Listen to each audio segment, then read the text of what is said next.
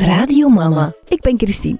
Ik ben mama van twee kleine kindjes, Leon en Ella. En dit is Radio Mama. Een podcast over ouder zijn van kleine kindjes en alles wat daarbij komt kijken. Deze aflevering is mede mogelijk gemaakt door Radio Mama Dorp. Een community die ik zelf heb opgericht om de luisteraars van Radio Mama met elkaar te verbinden. Als je lid wordt, steun je mij om nog lang door te gaan met de podcast en om de standaardafleveringen gratis te houden voor iedereen. In ruil krijg je exclusieve extra's, zoals bijvoorbeeld het Radio Mama Forum, maandelijks een extra aflevering en een sessie met een expert uit een van de afleveringen. Check www.radiomama.be voor meer informatie. Haast je als je erbij wil zijn, want als je inschrijft voor 4 januari krijg je korting. En half januari 2021 gaan de poorten van het dorp dicht en kan je er niet meer bij. In deze aflevering heb ik kinderpsychologe Klaar Hammenekker te gast. We hebben het over perfectionisme en faalangst in de opvoeding.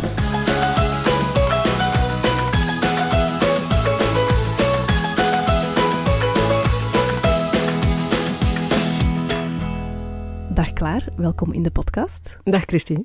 Jij bent eh, een kinderpsychologe. Waar ben jij momenteel zoal mee bezig?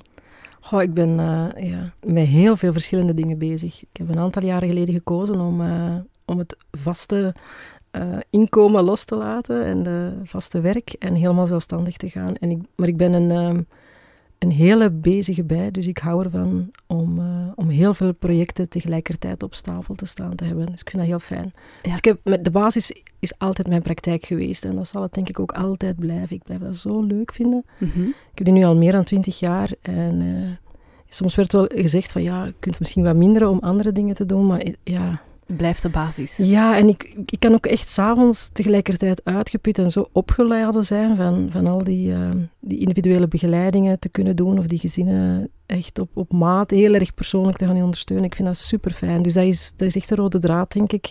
Ja. Waar ik altijd weer op terugval. Um, ook, ja, dat, dat, is, ik voel ook dat is gewoon, dat is mijn... Uh, mijn key eigenlijk of zo. Ik weet niet, daar, daar, daar zit ik dichtst bij. Dat vind ik gewoon. Of, uh, ja. Dat, dat sowieso. En daarnaast um, ben ik, schrijf ik veel um, voor, voor magazines, maar ook gewoon mijn eigen posts, mijn blogs. Um, mm -hmm. Ik ben... ik ben heel vaak ook bezig, uh, hier of daar, uh, met een, met een tv-projectje. Mm -hmm. Op dit moment ook. Ik kan er nog niet heel veel over vertellen, uh, want het is nog een klein beetje een geheim. Oh, zo spannend um, zeg. Ja, ja, Goeie absoluut. wel. ja, ja, ja. Um, maar, uh, en ik werk ook heel veel mee achter de schermen aan televisieprogramma's. Ja, dat had ik gelezen. Je doet dan de screening van de kandidaten voor ja. bijvoorbeeld de Voice Kids of zo? Ja, de, de screening, um, dat is één stuk. In sommige programma's is het eigenlijk heel erg belangrijk, uh, waar, waar, waar, deelnemers een beetje, allez, waar de balans en de stevigheid nodig is. En waar het enkel het even komen tonen van hun talent is, is, dat, is die psychologische screening minder belangrijk. Enfin, dan is die ondergeschikt natuurlijk aan dat talent uh, dat ja. ze het komen tonen. Dus in sommige programma's is het enkel de begeleiding op de set ja. tussendoor. En dat is zeker bij de Voice Kids zo. Maar ik heb ook al heel wat andere programma's gedaan waar, de, waar we ook mee, waar ook mee de casting uh, mag doen. Uh, bijvoorbeeld nu, binnenkort komt dat ook op de televisie. Dat is uh, Big of Junior, met de bakkertjes. Ja. heb ik ook mogen doen. dus ja, dat, dat, is, dat is heel tof, fijn. Ja. ja. voor mij is dat, waar ik in mijn praktijk eigenlijk vooral kinderen heb die... Um, die het met dagdagelijkse dingen heel erg moeilijk hebben. Mm -hmm. En dat is zo... Um, zie ik eigenlijk in, in die tv-programma's kinderen die het daar helemaal niet moeilijk mee hebben, maar die eigenlijk in, voor uitzonderlijke omstandigheden worden blootgesteld eigenlijk. Hè. Ja. En nou daar een beetje in co coachen en begeleiden, want je weet nooit wat dat met u doet. Je kunt wel denken, ik sta stevig, of stress, dat ken ik niet. Totdat je daar natuurlijk uh, moet gaan staan. Ja, en, zeker bij zo'n kinderen. Hè? Ja, en uit die comfortzone moet. En, uh, en, ja. En, ja, en als ik heel eerlijk ben, dan, dan heb je de kinderen, maar ik, ja, die zijn onlosmakelijk verbonden met hun ouders. Mm -hmm. Dus ook daar gaat heel veel aandacht en, en zorg naar. En daar zijn we ook ter beschikking, want heel ouders... Ja, dat is ook een stap, hè. die geven hun kinderen af, zal ik maar zeggen. Die zijn Zeker, misschien nog meer gestrest dan Ja, de, de lange opnamedagen. Ja, zetten die s'morgens hun kinderen af en zien ze die een aantal uur later terug. Dus ja. dat moet ook wel in vertrouwen kunnen, dat, dat wij er goed gaan voor zorgen. Zo zeggen we dat ook altijd, we gaan er goed voor zorgen. Ja. Dus dat is ook heel, heel fijn, uh, heel, heel fijn om te doen. En ik geef ook veel webinars. Allee, vroeger gaf ik heel veel live trainingen, vaak in onderwijs. Ja. Um, dat gaat nu niet meer. dat gaat nu niet meer. Nee, dus nu is het meer en meer uh, webinars. Uh, maar ik hoop, ik verlang ernaar dat we terug op het moment dat we kunnen ja, Live, live, ja. live eh, groepen ja, inspireren. En eh, Ja. dat heel fijn. Ja. Veel verschillende dingen waar je mee bezig bent. Ja. Het is wel leuk, hè? Afwisselend? Absoluut geen twee weken bij mij. Mijn agenda ziet er hetzelfde uit. Nee. Nee. Zeg, je hebt ook eh, ehm, net een boek uit. Ja. Wat elk kind nodig heeft, heet het, hè? Ja, een beetje pretentieuze titel. Nee, ik vind het niet. Ik vind het een goede titel. Ja. Van waar, hoe heb je de titel gekozen? Samen met, met de uitgever. Ehm, was een beetje zoeken ehm, om een, de juiste toon te vinden. In die zin dat ik, ik wou geen klassiek opvoedingsboek schrijven. En toen zijn we gaan uitpuren van ja, maar waarin verschilt mijn boek dan met een klassieke opvoedingsvisie?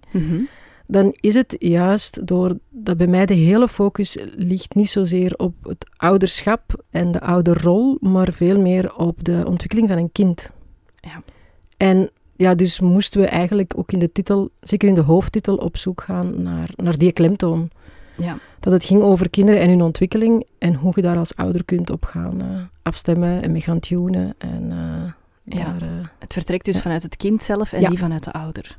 Ja, ja dat, en vandaar dat vonden we dat moesten terugkomen in, in de titel, dat dat duidelijk geponeerd was. Ik had zo even een kriebeltje toen, ik, toen we dan die titel hadden gekozen van oei, pretendeer ik daar nu wel niet heel veel mee. Ehm is dat titel een beetje titel is arrogant moeilijk, bijna, maar... ehm, Voor een Ja. titel, dat mag, hè? Dat moet ja, zelfs, hè? Maar ik heb, er nog geen, aanspreken. ja, voilà, ik heb er nog geen spijt van gehad, van Nee. de titel. Nee, Ik vind het een goede titel. Het spreekt aan. dank u. Ehm, je bespreekt in het boek vijf basics Mhm. voor krachtig ouderschap. Mhm. En de eerste zeg je, eh, opvoeden is maatwerk. Opvoeden is maatwerk, ja. Wat bedoel Inderdaad. je daarmee? Ik bedoel eigenlijk met opvoeden is maatwerk. Dat klinkt, dat klinkt als een open deur. Hè. Dat, is, dat, dat is zo evident hè, dat, je, dat je je afstemt op wie je kind is. Mhm. Uh, maar met maatwerk bedoel ik dat dat een opdracht is om als ouder echt te naar gaan kijken. En je koopt bijvoorbeeld ook niet gewoon, oké, mijn kind is vijf jaar, ik koop een vijf jaar in de winkel van kledij. Ja. Want als jij dan, als jij zo'n groot uitgevallen, iets steviger eh, kindje hebt, dan, ja, dan gaat hij daar veel te krap in zitten. En omgekeerd, dan verdrinkt hij. Dus wat gaat jij kiezen? Je gaat op zoek van, oké, dat is wel de, de zogezegde referentiemaat.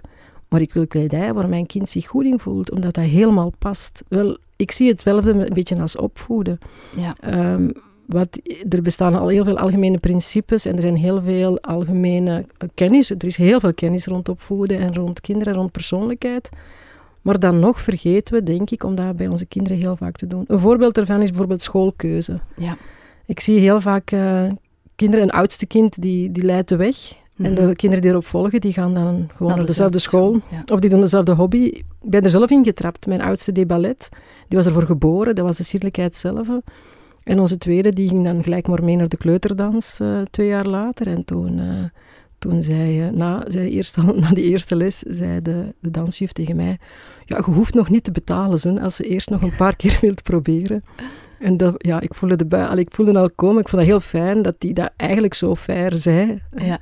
En toen, uh, een paar keer nadien, was, ik mocht dan een keer komen kijken ook. En toen zag ik, nee, nee, nee, nee, nee, dat gaat niet. Nee, Lena is veel te... Die moet kunnen bewegen en vooral haar eigen ding doen. En daar zo staan op dat rijtje. Van klein naar groot, van achter in dat tutuke. Oh, dat was een draakbenadering. Dat ging ook niet. En toen heb ik ook echt ontdekt van, ja, dat, zo werkt dat niet. Van, oh ja, dat is gemakkelijk. Gelijk weg. Even in de cafetaria, ik met mijn koffie, mijn boek. Lekker easy. Het zou wel goed zijn, hè? handig zijn. Ja, als ouder. Maar dat is juist waar heel mijn, mijn boek over gaat. Ja. Dat is eigenlijk niet het opzet van opvoeden. is niet waar zit uw comfort als ouder. Maar, dat is zit... convenient, ja. Ja, wat heeft uw kind nodig, hè? Maar de maatschappij maakt het ons niet gemakkelijk, hè? Nee, absoluut niet, absoluut niet. Dat vraagt denk ik ook heel wel wat lef van ouder en van uw ouders als, en ook heel dicht bij jezelf durven blijven en, en bij je kind en echt ook wel uitgaan van het feit dat jij je kind het best kent. Dat is voor mij ook absoluut een, allee, dat is een no-brainer. Een ouder kent zijn kind het best. Op ja. voorwaarde dat het een ouder is die, die zijn kind observeert, uh, zichzelf durft, van zichzelf durft weggaan en tot bij zijn kind durft gaan, ja. dan kent je kind het best en daar durven op vertrouwen en zeggen, oké, okay, wat de maatschappij verwacht, ja. uh, dat laat ik los. Uh.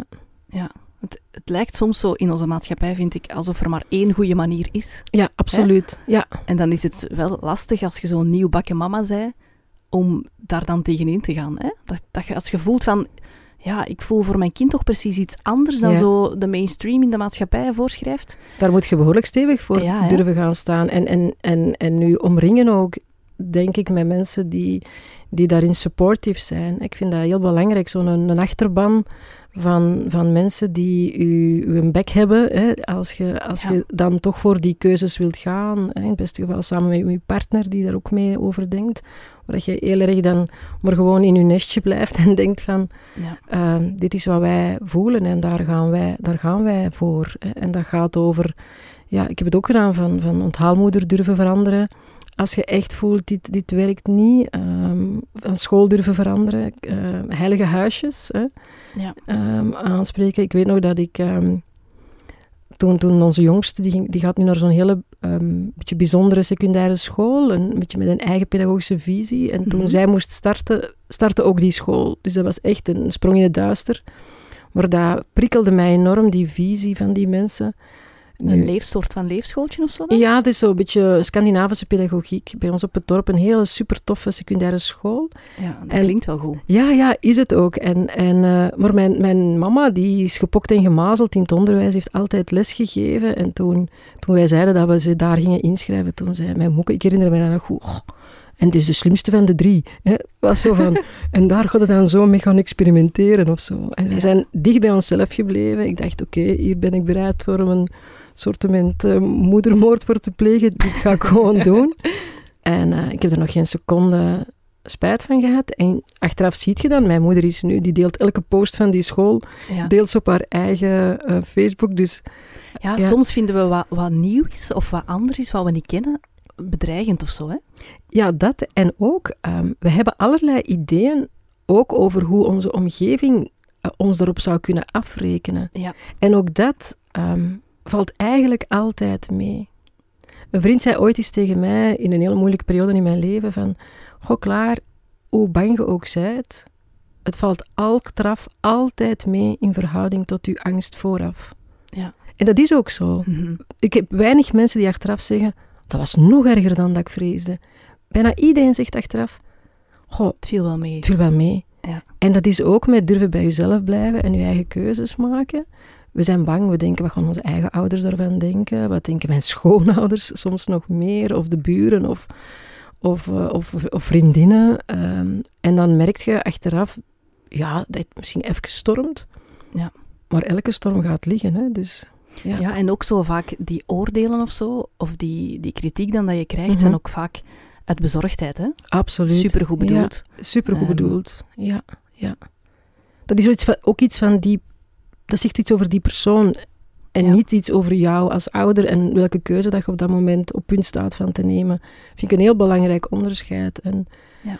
als je dat zo kan proberen zien, dan zie je ook gewoon veel beter, oké, tuurlijk, mijn mama die 40 jaar in, het klassieke onderwijs had gestaan en daar de degelijkheid van had gezien.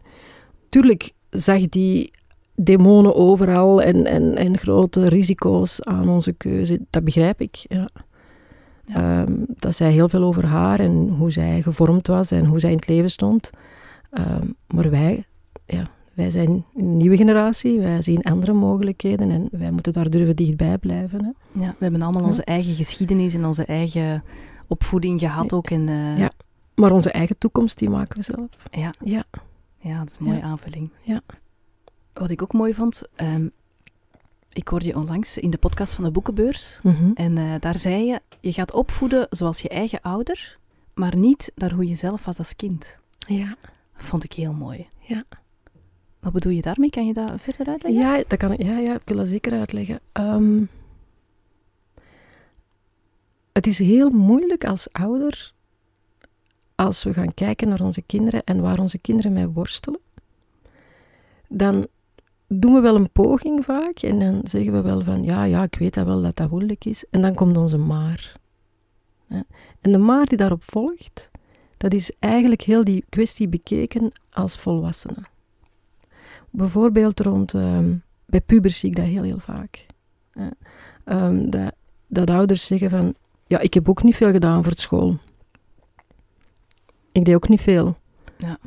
Um, en ik heb gezien, allez, ik heb achteraf beseft dat ik misschien ouder, liever had gehad dat mijn ouders er meer, wat, meer achter hadden gezeten. Dus dan is dat wat ik nu doe. Ja. Oké, fair enough. En dan vraag ik altijd, maar hoe was dat voor u als puber? kunt je daar even terug naartoe gaan? Mhm. Kunt je even gaan voelen hoe het was voor u als puber? Ja. Hoe vond jij dat? Dat je ouders hè, aandrongen. Hoe vond jij dat? Dat jij niet weg mocht vooraleer dat je dat gedaan had. Hoe vond jij dat? Dat zij bepaalden wanneer dat je vrije tijd had en wanneer dat je ehm, mo- moest studeren. Hoe vond je dat? Dat zij je, schoolkeuze bepaalden, ook al had jij zoveel liever naar een andere school gegaan. En eh, dan worden ze meestal heel stil. En toen zeiden ze, ja, ik vond dat helemaal niet leuk. Hm. Ja, begrijp je dan waar het gedrag en, en de- het gevoel van je kind vandaan komt? En dat is wat ik er eigenlijk mee bedoel. Wij, wij, ehm, wij bekijken dat als ouder. Ja. Maar de opdracht is zo hard hoe, hoe dat, dat was voor ons als kind. Ja. Mijn man die zei onlangs, omdat onze dochters hadden, een van onze dochters had ook zo wat naar ons hoofd gegooid van eh, wat, wat bedenkingen rond onze aanpak. maar dat is dan op een ander niveau, eh, dat die dat er al uitgooien. En mijn man zei, ik vind dat erg eigenlijk dat die zo over ons denken. Ik zeg, hoe dacht jij over je ouders als jij 15 waart? Ik zeg, ik weet dan nog hoe dat ik over mijn ouders denk. Eerlijk gezegd, het was misschien mi- minder rooskleurig dan dat ik niet die van onze gehoord heb. Ja. Ehm, dat hoort erbij. Dat wil niet zeggen dat, wij, dat ik nu nog steeds zo kijk naar mijn ouders, maar toen wel. En als je wilt connecteren en verbinden, dan moet je naar dat stuk. Ja. Dan moet je naar het stuk van hoe jij was als ouder. Naar uw kindstuk in plaats Ja, van naar... naar, pardon, naar hoe jij was als kind. Ja. Daarom hebben ook kinderen vinden dat geweldig, en dat zullen misschien ook al ondervonden hebben. Als jij vertelt hoe jij waart als je klein waart. Het moment dat je zegt, mama die deed dat ook. Of dan zeggen die aan oma, oma, oma, vertel nog eens van toen onze papa klein was. Ja. En die kunnen uren luisteren naar de verhalen van hoe, hoe jij was als peuter, kleuter, jong kind. En die gasten vinden dat fantastisch. En niet alleen omwille van de verhalen, maar dat is ook voelen van, die zijn ook kind geweest. Allee, die, Ja. die waren ook klein, die, waren ook zo, die deden ook zottigheid. Die waren ook niet altijd flink. Hè. Die, die haalden ook al eens slechte toetsen. Die vonden het misschien ook niet zo leuk op school of zo. Nee, die vervalsten ook al eens een handtekening op het rapport. Die, eh, mijn man die heeft proberen langzalig verborgen te houden dat hij quasi nooit naar de les ging. Totdat dat ook een keer duidelijk werd als onze gasten dan de niet gingen. Ja. En dan was het zo, ja papa, jij moet niks zeggen, jij ging zelf niet naar de les. Ehm, maar dat is een heel mooi stuk. Hè, dat, en dat vergeet, wij zijn echt, dat cliché van je vergeet hoe je zelf waart, dat is waar. Mhm. Maar als we willen verbinden, en dan zitten we daar weer al, je kunt alleen maar verbinden als je eerst naar van binnen bij jezelf gaat kijken, hoe was ik toen ik zo oud was? Ja. Ja. En Dan kun je beter verplaatsen in... ja, en je hoeft niet hetzelfde geweest te zijn, maar Mhm. voelen hoe het is om 15 te zijn, of om 4 te zijn, of om 7 te zijn. En ehm, hoe was het als jij eens met mindere punten thuis kwam? Ja. Hoe voel je nu? En als je ouders dan op reageren. Je kunt, dat is connecteren. Voor mij is dat empathie. Empathie is eerst bij jezelf van binnen gaan zoeken naar dat stuk. En met kinderen is het dan redelijk gelijkaardige leeftijd. Dat helpt wel. Mhm. Omdat, dat is dan weer die eerste basic, dat maatwerk. We zitten nogal in die fases. Ja.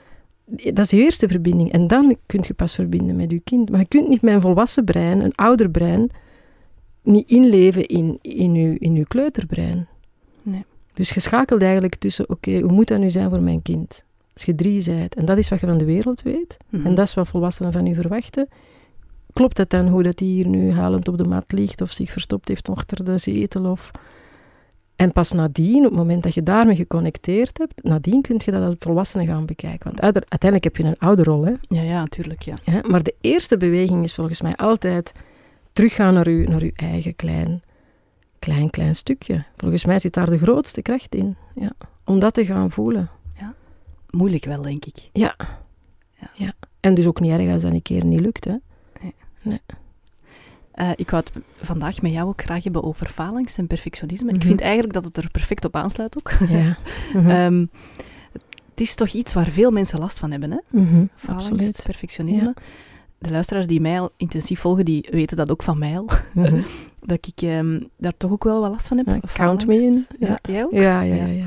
Imposter syndrome. Ja. Ehm, perfectionisme. Ik dacht altijd dat ik geen perfectionist was, omdat ik zo heel rommelig ben en chaotisch. Mhm. En zo, ook in het middelbaar. Ik studeerde altijd ja, net genoeg voor er net door te Mhm. zijn. Mhm, Mijn, mijn, eh, mijn taken waren altijd tegen een deadline. Zo'n valse perfectionist. Zoals een valse trage, Ja. een valse Ja, perfectionist. voilà. Dus ja. ik had eigenlijk nooit gedacht van dat ik een perfe- perfectionist zou zijn. Maar nu, nu dat ik een ouder ben, en nu merk ik het ook wel in mijn, in mijn job, ben ik het toch, denk ik wel. Ehm, van waar komt dat eigenlijk? Die angst voor te falen, die angst om niet perfect te zijn. Waarom denken we allemaal dat we perfect moeten zijn elke seconde van een dag? Want ja, dat gaat niet, hè? Nee. Goh, ik, voor mij, ik zie er een aantal ehm, thema's in. hè. Ik, wat ik zeker, ehm, voor mij zeker een van de thema's daarin is, ehm, is dat heel va- vaak mensen die falangstig zijn of perfectionistisch, want dat hangt eigenlijk bijna altijd samen. Ehm, niet iedereen die falangstig is, is perfectionistisch, om te beginnen, maar iedereen die perfectionistisch is, creëert wel bijna allemaal een faalangst. Ja. Ehm, heel vaak heeft dat te maken dat men eigenlijk zelden ehm, erkend is voor wie men werkelijk was, maar altijd veel erkenning heeft gekregen voor wat men realiseerde. Hm. Ehm, en dat is zo zot hoe dat in onze dagdagelijkse taal permanent inzit. Ja. Dat je gezien wordt, erkend wordt, ehm, aandacht krijgt, bevestigd wordt, liefde zelfs. Ja. Om wat je toont en, en, en realiseert En doet. en doet. ja. Ja. En veel minder voor wie je gewoon bent. Mhm. Ehm, Je en bent flink, je hebt het goed gedaan. Ja. goed gedaan. Knap, top.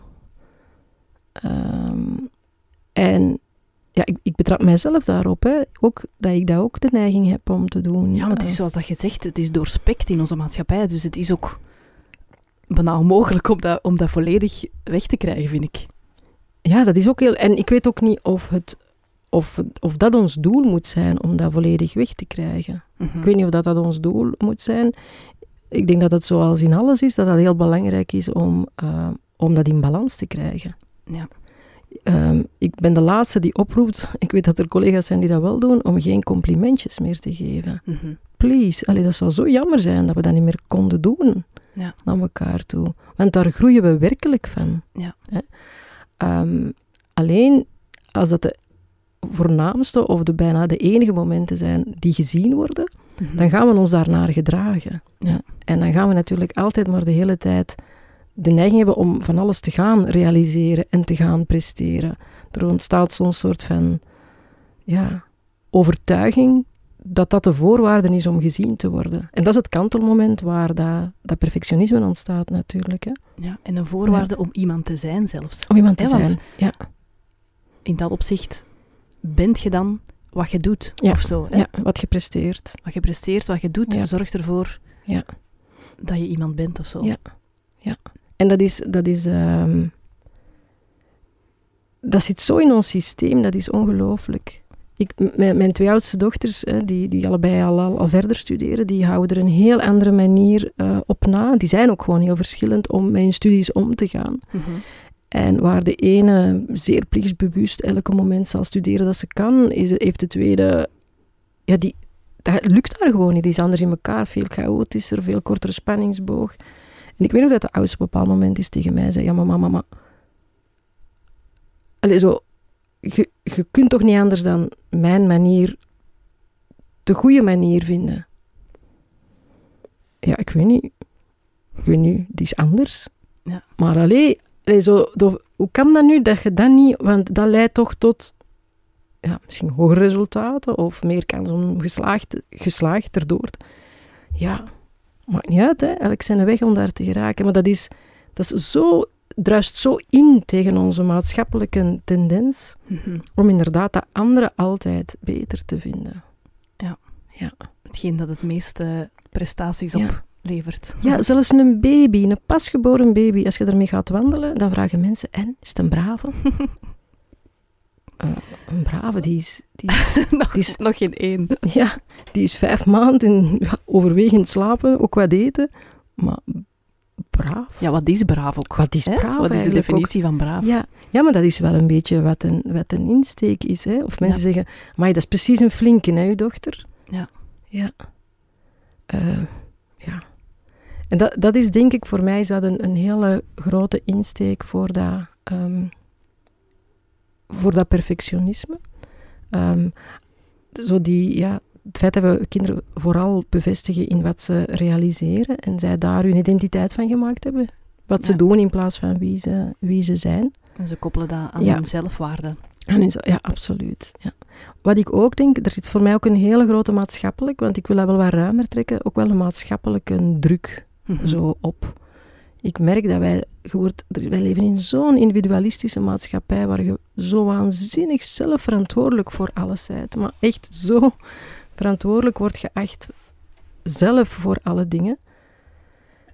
Ja, dat je, dat je streeft naar controle. Hè? Je wilt alles onder controle hebben. Je wilt zoveel mogelijk uh, in handen hebben en bepalen.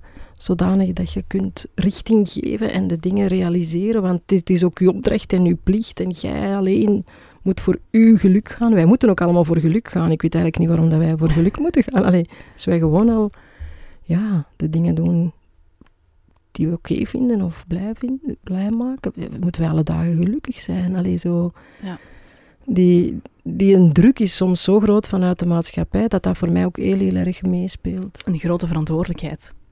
Een grote verantwoordelijkheid en wij durven ook geen risico's meer meenemen. Ja, dat, dat, dat, is bijna not done, hè. Mhm.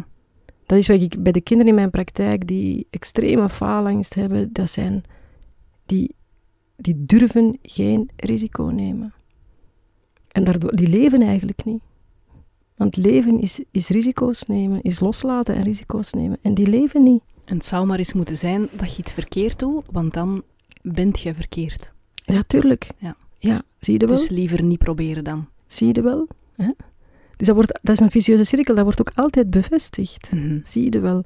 En daar zit voor mij heel die knoop in, die zie je wel. Hè? Omdat dat opnieuw, als er een risico wordt genomen en het valt wat anders uit dan dat ze misschien gehoopt hadden, Mhm. Dan wordt dat opnieuw afgewogen tegenover dat perfecte doel dat ze hadden. En dan zeggen ze, zie je wel dat ik volgende keer nog meer moet studeren, nog langer moet verder werken. Of als ouder ook nog meer nabij moet zijn, mijn kind nog minder naar de crash doen. Nog, allee, vanuit het idee van dat we dat kunnen voorkomen. Ja. Dat we die risico's kunnen controleren.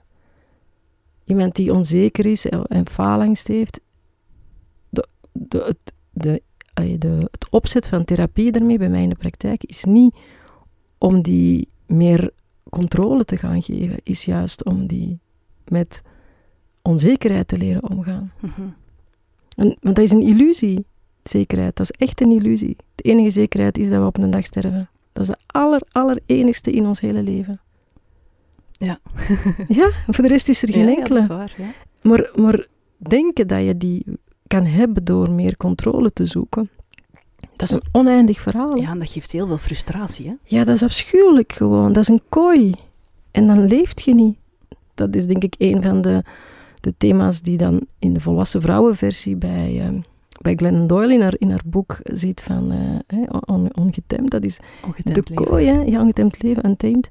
Uh, de kooi, maar ik zie kinderen die gekooid zijn. Ik zie zoveel gekooide kinderen in mijn praktijk. Ik vind dat soms ben ik, word ik daar zelf echt oprecht verdrietig van. Mhm. Als die in de gesprekken aangeven van... Ja, maar dan ben ik niet zeker klaar. Ook al heeft de juf oefeningen geschrapt, omdat ik zo traag ben, want ik moet ze allemaal vijf keer nakijken voor ik aan de volgende durf beginnen, heeft de juffer geschrapt. Dan kom ik s'avonds uit mijn bed en als mama het niet hoort, dan maak ik die toch nog aan mijn bureau. Want dat kan toch niet? Dat ik die niet moet maken en alle andere kinderen. En wat als ze daar iets van vragen op de toets? Dus dan ben ik zeker. Ja. En dat is afschuwelijk, want die zitten te huilen terwijl ze dat vertellen. Mm die, ja, die durf, je durft geen risico nemen. En het risico is niet dat er iets fout gaat. Het risico is gewoon leven. Maar dat raakt mij wel dat je dat vertelt. Ik herken, ik herken mezelf daar ook in. Ja. Ik begin nu te denken dat de reden waarom ik altijd tegen een deadline werkte misschien wel net de faalangst was. Natuurlijk, uitstellen. Ja. ja. Ja, om het niet te moeten voelen. Om de, om, om de onzeker, allez, die, dat on, onverschrikkelijk onbehagelijk gevoel. En dat is een ongelooflijk angst, is, een af, is het meest afschuwelijke gevoel dat er is. Omdat als je boos bent, kun je eens brullen en eens goed tekeer gaan. Als je verdrietig bent, dan snotterde wat zakdoeken vol en je laat je schoen gehaald eens uit. Het is nooit een uur op je bed met dan zo'n eh, melige Spotify-lijst. Maar angst, daar kun je niks mee doen. Dat doet iets met u. Dat is een omgekeerde relatie. Ja, dat neemt u helemaal over, hè? Afschuwelijk. Allee, ik, ik, uh, ik ben er absoluut... Ik ken het zelf ook heel erg uit mijn, allee, van mezelf. Ik ben ook een heel van nature een angstig persoon. En uh, dat is echt afschuwelijk om te zien. Ook kinderen, jonge, echt jonge kinderen, zes, zevenjarigen, verteerd worden van angst omdat ze overtuigd zijn dat er maar één weg een goede weg is en dat is de perfecte. En in een kramp gaan bij het idee dat ze die, dat niet gaan kunnen realiseren. Hm.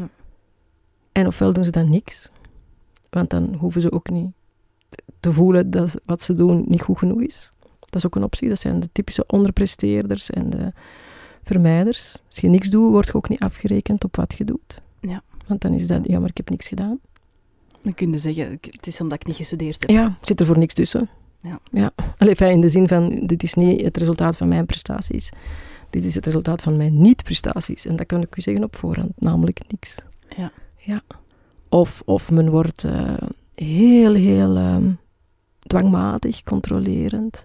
Zie ik ook bij, bij, bij heel wat kinderen um, toenemen. Um, en ik merk ook dat ouders, want dat is misschien ook wel belangrijk voor, voor, ook voor, uh, voor jouw luisteraars, ook van jouw podcast, dat is, als, dat is afschuwelijk hè, als ouder. Zien hoe je kind verteerd wordt door angst. Ja. ik zie dat dat voor ouders aan zich nog moeilijker is mee om te gaan dan een trillend lipje van het huilen of een, uh, zo'n vulkaan dat even uitbarst. Ja, je voelt je als ouder machteloos, hè? omdat inderdaad, is gelijk dat je zegt, als ze boos zijn, kunnen ze even uitrazen. Als ze verdrietig ja. zijn, kunnen ze troosten. Ja. Maar angst kun je ook niet zomaar wegnemen. Nee, je kunt dat niet wegnemen.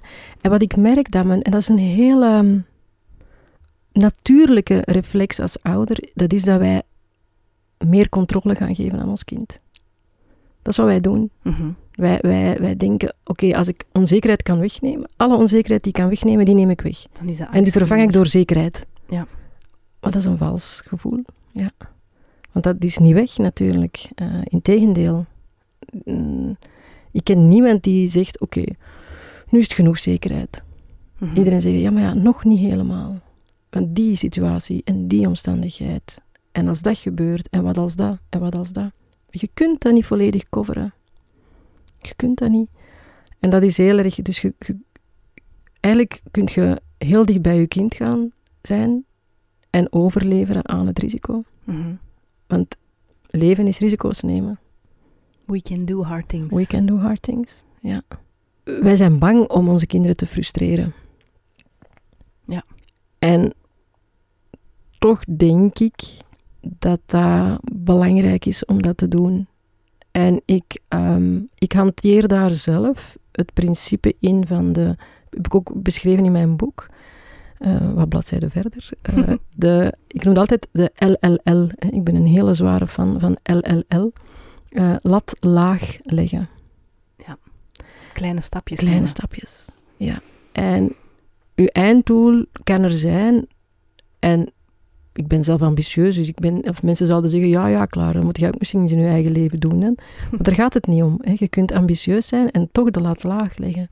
Namelijk door daar in kleine, haalbare stapjes naartoe te gaan. Ja. Dus als jij je afvraagt, van, is die stap te groot of mm -hmm. moet ik hem daarna stretchen? Ja, dat zijn die cirkels van, van die, hè, de zone van naaste ontwikkeling. Als je te snel in zijn frustratiezone belandt, dan is de stap te groot. Hè. Maar als jij ernaast blijft, want dat is het ook, hè. we can do hard things, met Ja. iemand dicht bij ons. Hè. Ja, Niet alleen, hè. nee. Nee. Niet voor de leeuwen gooien. niet voor de leven gooien, hè, maar ernaast staan. Ja. En, en, en er dichtbij blijven. En dan kunnen wij potverdorie zotte dingen, want daar verschiet je ook elke keer van. Ja. Ik, ik, ik, ik weet niet of je dat volgt, maar ik, eh, gisterenavond keek ik naar Down the Road hè, met de ken het, ja. Downies. Hè. En ehm, ja, dat is een heel mooi voorbeeld, hè, hoe zij elke keer zeggen van, ja, dat kunnen wij niet. Die doen zotte dingen, hè. Die doen waanzinnig zotte dingen. En dat is net doordat zij aangemoedigd worden, niet geforceerd, en iemand naast hen hebben. Ja. Maar niemand zegt daar, oh, oké, ja, nee, dat moet je dan niet doen. Ja. Die zeggen, we gaan zoeken naar de manier waarop dat voor u wel lukt. Ja. En is dat voor u een andere manier dan voor uw vrienden of voor uw broer? Dat is niet erg. Maar op uw manier geraakt je er ook. Ja. Kunt jij ook die stap zetten? Wat is er nodig opdat jij die stap kunt zetten? En dat zoeken wij samen uit. Ja. En het ene kind heeft eh, tien lessen watergewinning nodig en de andere dertig. Mhm. Maar beslissen om geen watergewinning te doen, dat is, dat is volgens mij uw kind tekort doen. Ja, want dan gaat hem er niet over geraken over zijn angst. Of dan Dat is gaat hem dat uitstellen. niet- ja. Dat is dan blijft die angst blijft aanwezig. Ja, maar watergewinning kan veel vormen hebben. Hè. Dat is daar Ja, misschien ja. daarom niet bij die ene meester in dat één zwembad. Hè. Dat Ja, kan het is even dat. goed met jou zijn, Ja. naar de wellness, hè, waar ook een bad is. Hè. Ja. Ehm, en dat, die dingen zien en inschatten zijn, is denk ik een hele belangrijke. Hè. You- we can do hard things, maar niet alleen. Ja. En dat vind ik een hele, een hele belangrijke. En ook daar als ouder die balans zoeken tussen hoe dichtbij dan, hoe nabij moet ik er zijn. Ehm, een van de stappen die ik vaak bijvoorbeeld ook bij slaapproblemen is nabijheid op afstand. Ja. Ehm, probeer eh, aan, aan, in gezinnen te, in- te installeren. Hè, want soms is het van het begin heel nabij, maar je kunt ook van op afstand heel nabij zijn. Ehm, dus dat, kan een manier zijn, één van die stapjes naar het doel dat we voorop stellen. Hè. Ja. Eh, maar die lat laag leggen vind ik daarin een hele belangrijke. En dat zie ik bij onzekere kinderen en zo. Dat is, dat is gigantisch, gigantisch moeilijk. En, ik- en als ouder, ja, we willen dat overnemen. We willen hen dat besparen. We vinden dat afschuwelijk om hen zo te zien.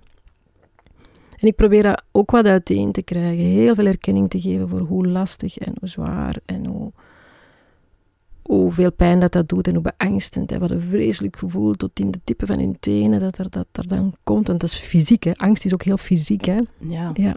absoluut. Ehm, maar we halen dat wel een stukje uiteen. Van het, is, het, het, is, het is heftig, maar er is eigenlijk geen probleem.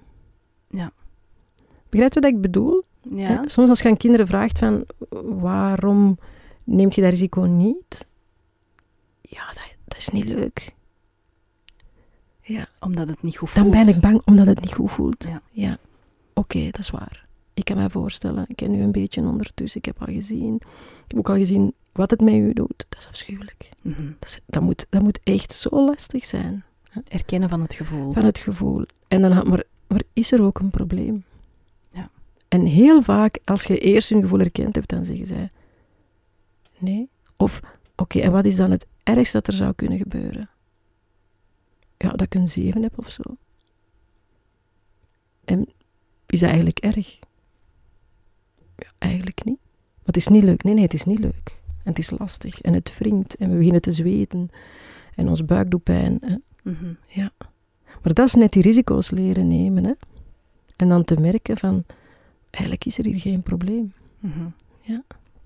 En dat is ook iets, denk ik, dat heel belangrijk is om tegen jouw kind te zeggen. Jij vindt dit lastig, jij vindt... Maar het is niet erg. Wel dat je zo voelt, maar niet de situatie. Ja. Kinderen kennen dat onderscheid niet. Ik merk dat heel veel kinderen kennen dat onderscheid niet tussen wat hij voelt, dat dat iets van hem is als reactie op een situatie, of dat dat die situatie is. Zelf is, ja. En dat is denk ik als ouder heel erg belangrijk, want anders krijg je zo, worden situaties triggers. Hè? Mhm. Hè? Dan is huiswerk per definitie iets wat je niet kunt. Ja. Of dan is meelopen op de scholenveldloop iets wat je nooit gaat doen. Hè? Ik, kan, ik kan niet lopen. Hè? Al die fixed mindsets Ja. zijn heel vaak ook gelinkt aan, omdat men dat aan situaties gekoppeld heeft.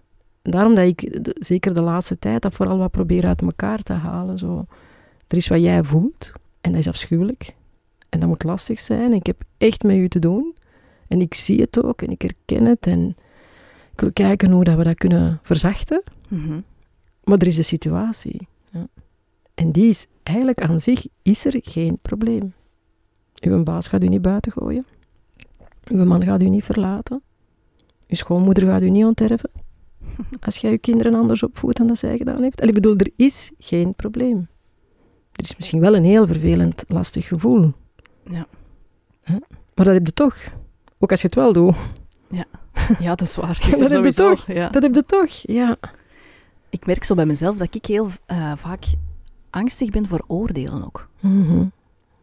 Dat is ook volgens mij, ik heb er nu gisteren eens over nagedacht toen ik dit gesprek aan het voorbereiden was, is mij wel opgevallen dat ook gewoon heel de maatschappij vol oordelen zit. Hè?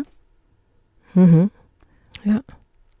Maar anderzijds zijn het ook maar oordelen, hè, Christine? Ja, dat is waar. Die gaan niet over u, hè? Allee, Ja. Of die zeggen misschien iets over u, maar die zeggen minstens evenveel over diegene die het oordeel uit. Maar dat is iets wat ik nu als volwassene inderdaad Mhm. besef. Ja. Dat als iemand iets tegen mij zegt ehm, dat een veroordeling lijkt op mijn karakter Mhm. bijvoorbeeld, dan weet ik van oké, als, ik dat, als ik dat even heb Mhm. laten zakken, dan weet ik dat. Eh, van, dit is meestal een projectie van inderdaad wat er bezig is in het, in het leven van, van die persoon of zo. Of, of Mhm. het heeft niet per se te maken met mijn zelfwaarde. Maar voor een kind moet dat toch moeilijker zijn? Ehm, als wij dat verhelderen, van Mhm. kleins af aan, ik denk dat daar, als wij willen een ommekeer maken in de afschuwelijke angsten waar mijn generatie, want ik, zit, ik ben de generatie van de burn-outs, eh, eh, heel veel van mijn leeftijdsgenoten die hebben namelijk al eh, burn-out en andere midlife toestanden gehad. Mhm. Ehm, en ik zie ook bij de jongere generatie, die, gaat iets, die is iets zelfzorggerichter, dus die gaan Ja. al iets rapper stekker uittrekken Mhm. daar ook openlijker durven over communiceren dan mijn generatie. Dus we zijn op de goede weg. Ja. En als we denk ik het voor onze komende generatie willen ontmijnen, dan denk ik net dat dat is wat we hen van jongs af aan kunnen leren. Ja. Dat is net dat inzicht van wat iemand ehm, jou zegt, dat gaat niet over jou. Ja. En, en zonder iemand, ah, allee, waarbij we iedereen in zijn waarde laten. Hè? Mhm. Want wat, wat niet de bedoeling is natuurlijk, is om, dat, om te zeggen... De vinger te wijzen. Ja, van eh, die pest u omdat het zelf een ambetant jong is. Allee, Nee, nee. nee, nee, nee, nee. Hè? Oei. Goh, amai, als die jongen van jouw klas zo'n dingen zegt tegen klas, klasge- klasgenoten, dan moet die zich toch ook echt helemaal niet goed voelen hè, van binnen. Want wie Mhm. zich goed van binnen voelt, die wil eigenlijk gewoon spelen op de speelplaats. Ja. En plezier maken met elkaar. Mhm. En niet, allee, n- dat, dat gaat niet over uw kind. Hè. Ehm, ja. Wel jammer dat hij jou uitgekozen heeft om zulke dingen tegen te zeggen. hè. Bijvoorbeeld. Hè. Ehm, maar, maar dat uiteenhalen, ik denk dat dat een heel belangrijke is. Ook rond juffen. Ook vertellen. Hè. Ik had vroeger ook juffen en die konden ook soms zo echt heel slecht gezien zijn. En dan vroeg ik mij altijd af, hebben die misschien honger?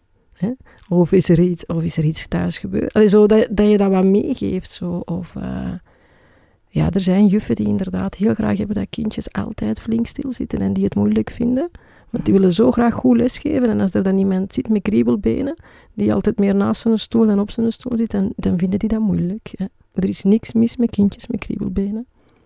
Maar dat, sommige juffen vinden dat moeilijk, waarmee je dat heel erg uiteenhaalt. Hè. Ja. En ik denk dat je op die mani- manier ook gewoon kinderen steviger kunt laten staan ook. En die oordelen minder laat binnenkomen.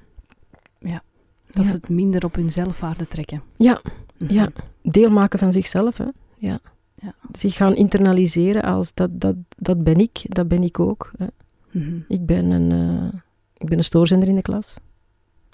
Nee, nee, nee. Jij beweegt veel. En eh, sommige juffen eh, worden daardoor afgeleid en die vinden dat heel erg moeilijk. Maar weet je nog, vorig jaar, hoe die juf was? En dat gaat niet over goede en slechte juffen. Hè? Dat gaat over dat iedereen is wie dat hij is. Ja. Ja, dat is Eh. mooi. Dat zou een mooie les zijn als we dat kunnen leren aan onze kinderen. Hè? Inderdaad, dat, Ja. dat loskoppelen. Maar dat is iets wat dat in vorige, vorige generaties, denk ik, bijna niet gebeurde. Nee, en dat- daarom vinden we dat ook zo moeilijk, hè? om dat zelf voor onszelf te doen. Ja, omdat we ouders hebben gehad die dat vaak niet deden. Ja. En, en niet om hen met de vinger te Nee, gewijzen, want want, ze hebben dat nooit geleerd. Nee, voilà, Ja. want, want hun ouders hebben dat ook weer niet gedaan. En Nee, nee. ik vind zo, als het zo gaat over schuldgevoelens Mhm. in het ouderschap, ik vind dat altijd, altijd heel ongepast. Allee, of, of dat is niet, niet gepast in het ouderschap, vind ik, schuldgevoelens. Nee, Omdat nee. wij doen allemaal ons best en wij komen Ja. allemaal uit een andere opvoeding. Allee, of, eh, we hebben Mhm. allemaal onze eigen geschiedenis. Mhm. En eh, onze ouders hebben hun geschiedenis, die hebben ook weer hun geschiedenis.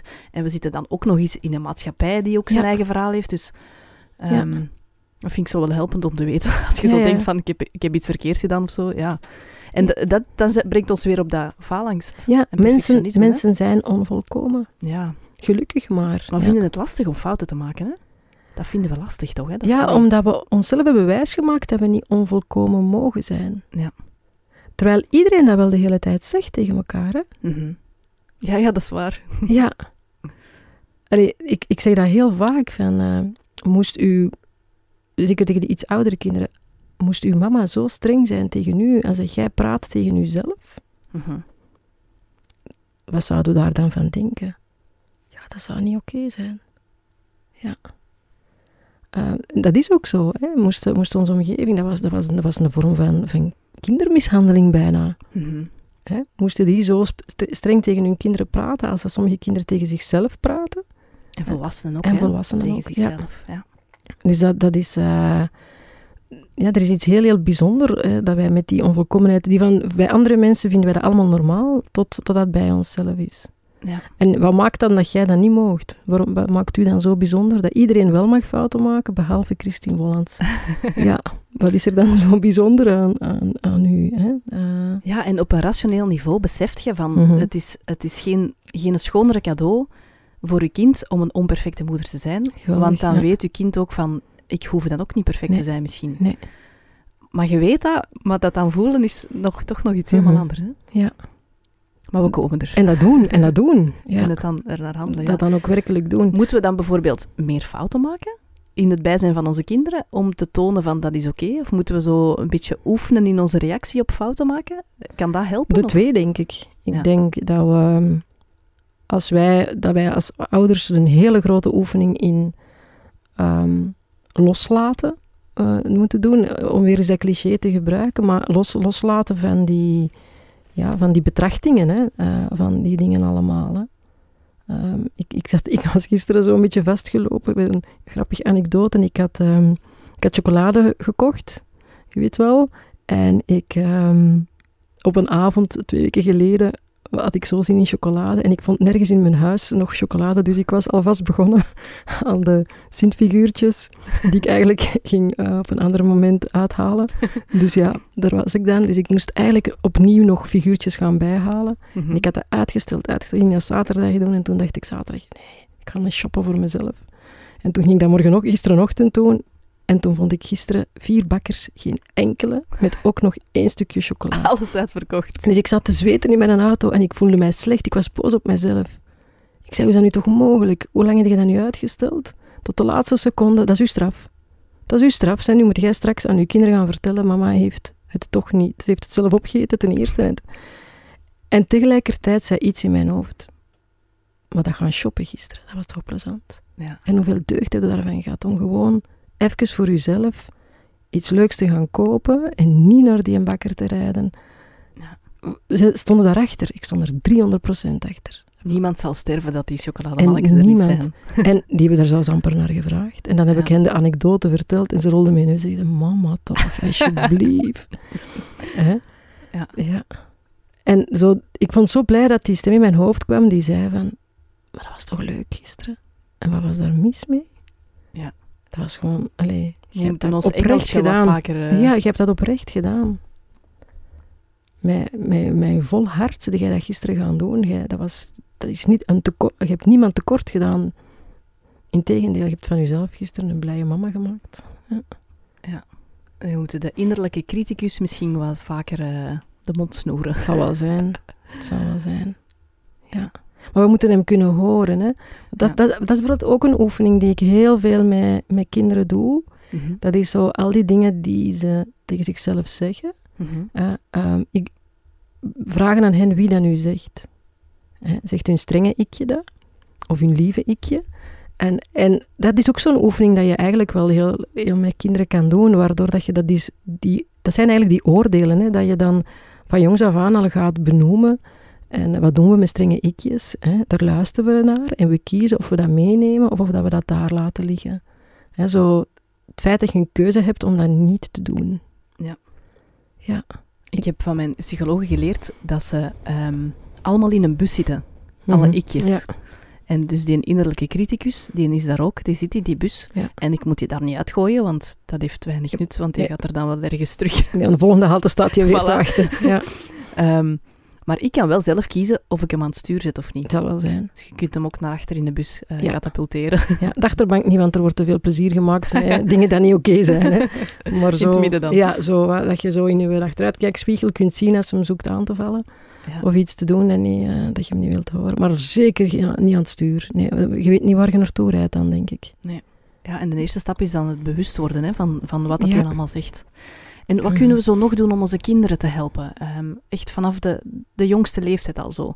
Om, om ervoor te zorgen dat ze die phalanx en, en dat perfectionisme niet ontwikkelen. Is dat eigenlijk eh, genetisch of zo? Of is dat iets wat ze leren in de opvoeding? Of hoe zit dat precies? Of is dat een beetje van alles tezamen? Ja, je hebt wat van, van alles te samen. Hè. Je, hebt, Ja. je, hebt, ehm, je hebt gewoon ook persoonlijkheidstrekken. Hè. Mhm. Niet, allee, je, hebt, je hebt waaghalzen. Ja. Als er al iets meer waaghalzerij in u zit, dan is de kans al groot dat je zijn grens verlegt en dat je ontdekt van, oh ja, deze werkt. Ja. Als je meer wat het van het voorzichtige type bent, dan is de kans wel groter natuurlijk dat je ook onzekerheden eh, Ja. eh, ontwikkelt. En dan krijg je die combinatie met... Ik denk dan altijd aan het voorbeeld van... Ik vertel dat vaak in mijn lezingen ook aan ouders. Stel je voor, ben jij het type mama die in een speeltuin binnenkomt en zegt Oh, maar dat is hier graaf. Mannen, ga maar spelen, hè. Mhm. Doe maar, hè. Amuseer jullie. Het is niet erg, speelt maar. En eh, ik zal straks eens komen kijken. En dan kunnen we misschien een ijsje eten, maar ga nu maar. Ja. Hè? En, eh, of zit jij de ouder die zegt, oei, oei, dat is hier groot. Ai, ai. Dat ziet er wat hoog uit. Ja, daar zou ik toch niet op kuipen. Dan zeg je, schatjes, kom eens hier. Je mocht spelen, maar mama moet u altijd kunnen zien, hè. Ja. Niet te ver weg, hè. Ik ben schuldig, vrees ik. Ja. En dan zitten zo erop zijn en dan zeg je, goh, zit je nu? Zeg je, maar wie is, die, wie is dat ander kindje? Kende jij die mensen? Goh, goh, zouden we hem niet gaan halen hier bij ons een ijsje?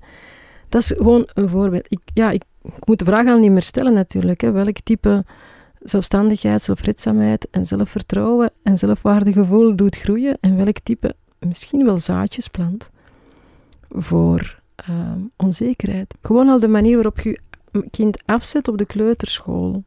Mhm. Hè? Staat jij daar zelf mee ogen van, oh nee, moet die nu voor mijn kind gaan zorgen de komende uren? Of wat? oh nee, en gaat die dat wel kunnen? Die ziet er nog zo jong uit en zou die wel ervaring hebben? Uw kind voelt dat in elke vezel van zijn lichaam, dat Mhm. jij er geen vertrouwen in hebt. Ja.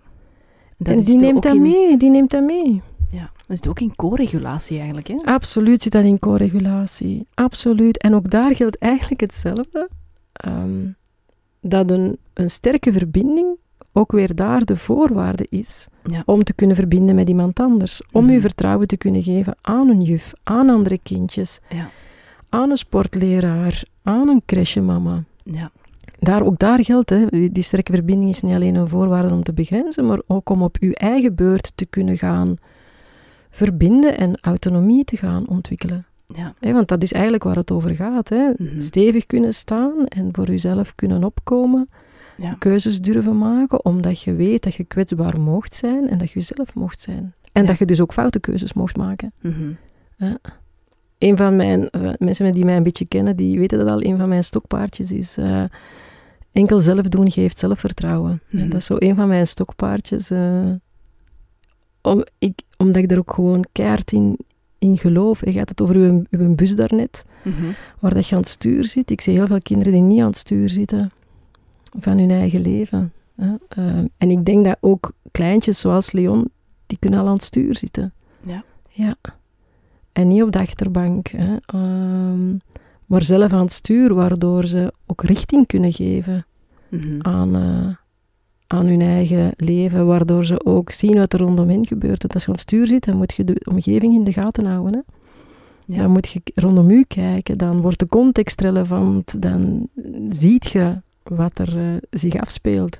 Als je ergens van achter zit, en dan is dat niet. Dan mist je zoveel kennis, eh, maar ook eh, ja, strategieën hoeft je niet te ontwikkelen om met obstakels om, de- om te gaan. Ehm, dus zo zelf, dat zelf doen, dat is, dat is ontzettend belangrijk.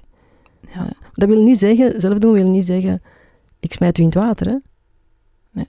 Dat wil zeggen, oké, eerst de watergewinning en dan zo'n worst rond uw buik en dan een fraksje om aan te doen en dan de meester die zo met die een haak naast u loopt. Ja, stapje per stapje. Ja, maar er is geen enkel kind dat leert zwemmen zolang dat hij door zijn ouders wordt rondgeduwd op een matrasje op het water. Hè. Ja. Daar leert je niet van zwemmen. Ja. Zo moeten ze af en toe toch loslaten. Maar wel nabij zijn. Ja, op hun tempo. Het samen doen. Op ja. hun tempo, op hun tempo, ja. Eh, en, en, en die, eh, een vraag erbij is, wat kan ik voor jou doen, opdat je het zelf kan doen? Hoe kan ik u helpen? Hoe kan ik u helpen, zodat jij het zelf kunt doen? Ja. Niet, ik neem het van u over, maar we gaan ervan uit dat je het zelf doet. Maar wat is daarvoor nodig? En, en ja, dat, dat werkt ook echt wel, dat eerste stapje. En kinderen zijn daar heel, heel straf in. En dat is, mij, dat is als ouder... ehm het vraagt heel veel creativiteit Mhm. in uw denken, En zoeken naar weer. oplossingen en dan weer vertrouwen. Ja, maar ik kan Ja. me wel voorstellen dat dat voor een kind dan wel een heel goed gevoel geeft.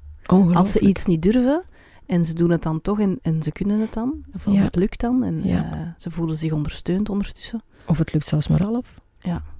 Ja. Zo die eerste keer alleen met een fiets rijden en na drie meter compleet een decor ingaan. maar toch blinken dat je drie meter... Maar dan is als ouder je reactie belangrijk. Hè? Ja. Ga je dan beginnen gillen omdat je die in een decor gaat ingaan?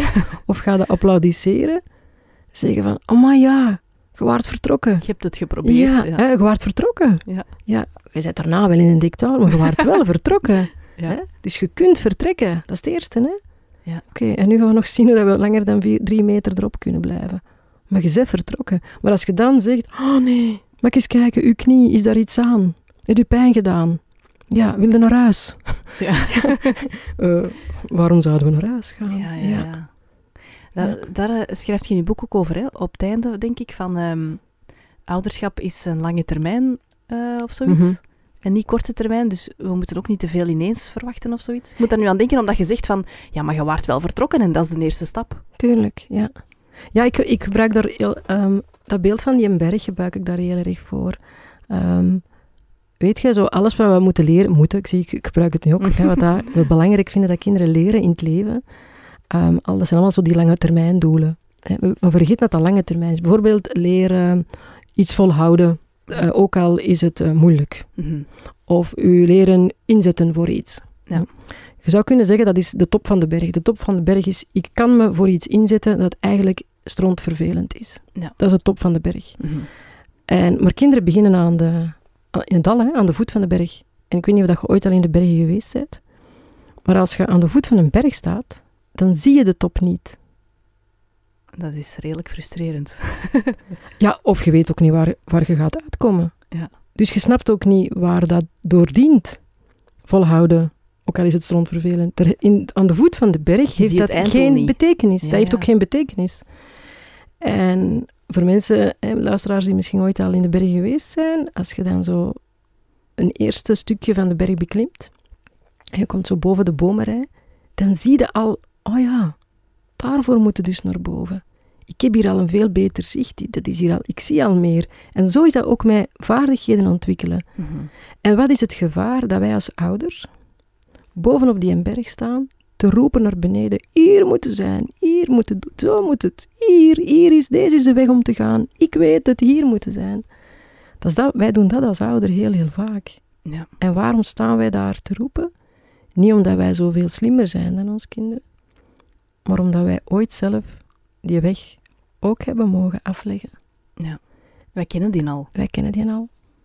Dus als, wij moeten onze kinderen kansen geven om die weg af te leggen, om die een berg te beklimmen. Mhm. Niet door boven staan te roepen en te wachten totdat ze er zijn, maar door met hen mee naar boven te gaan. Mee te gaan, ja.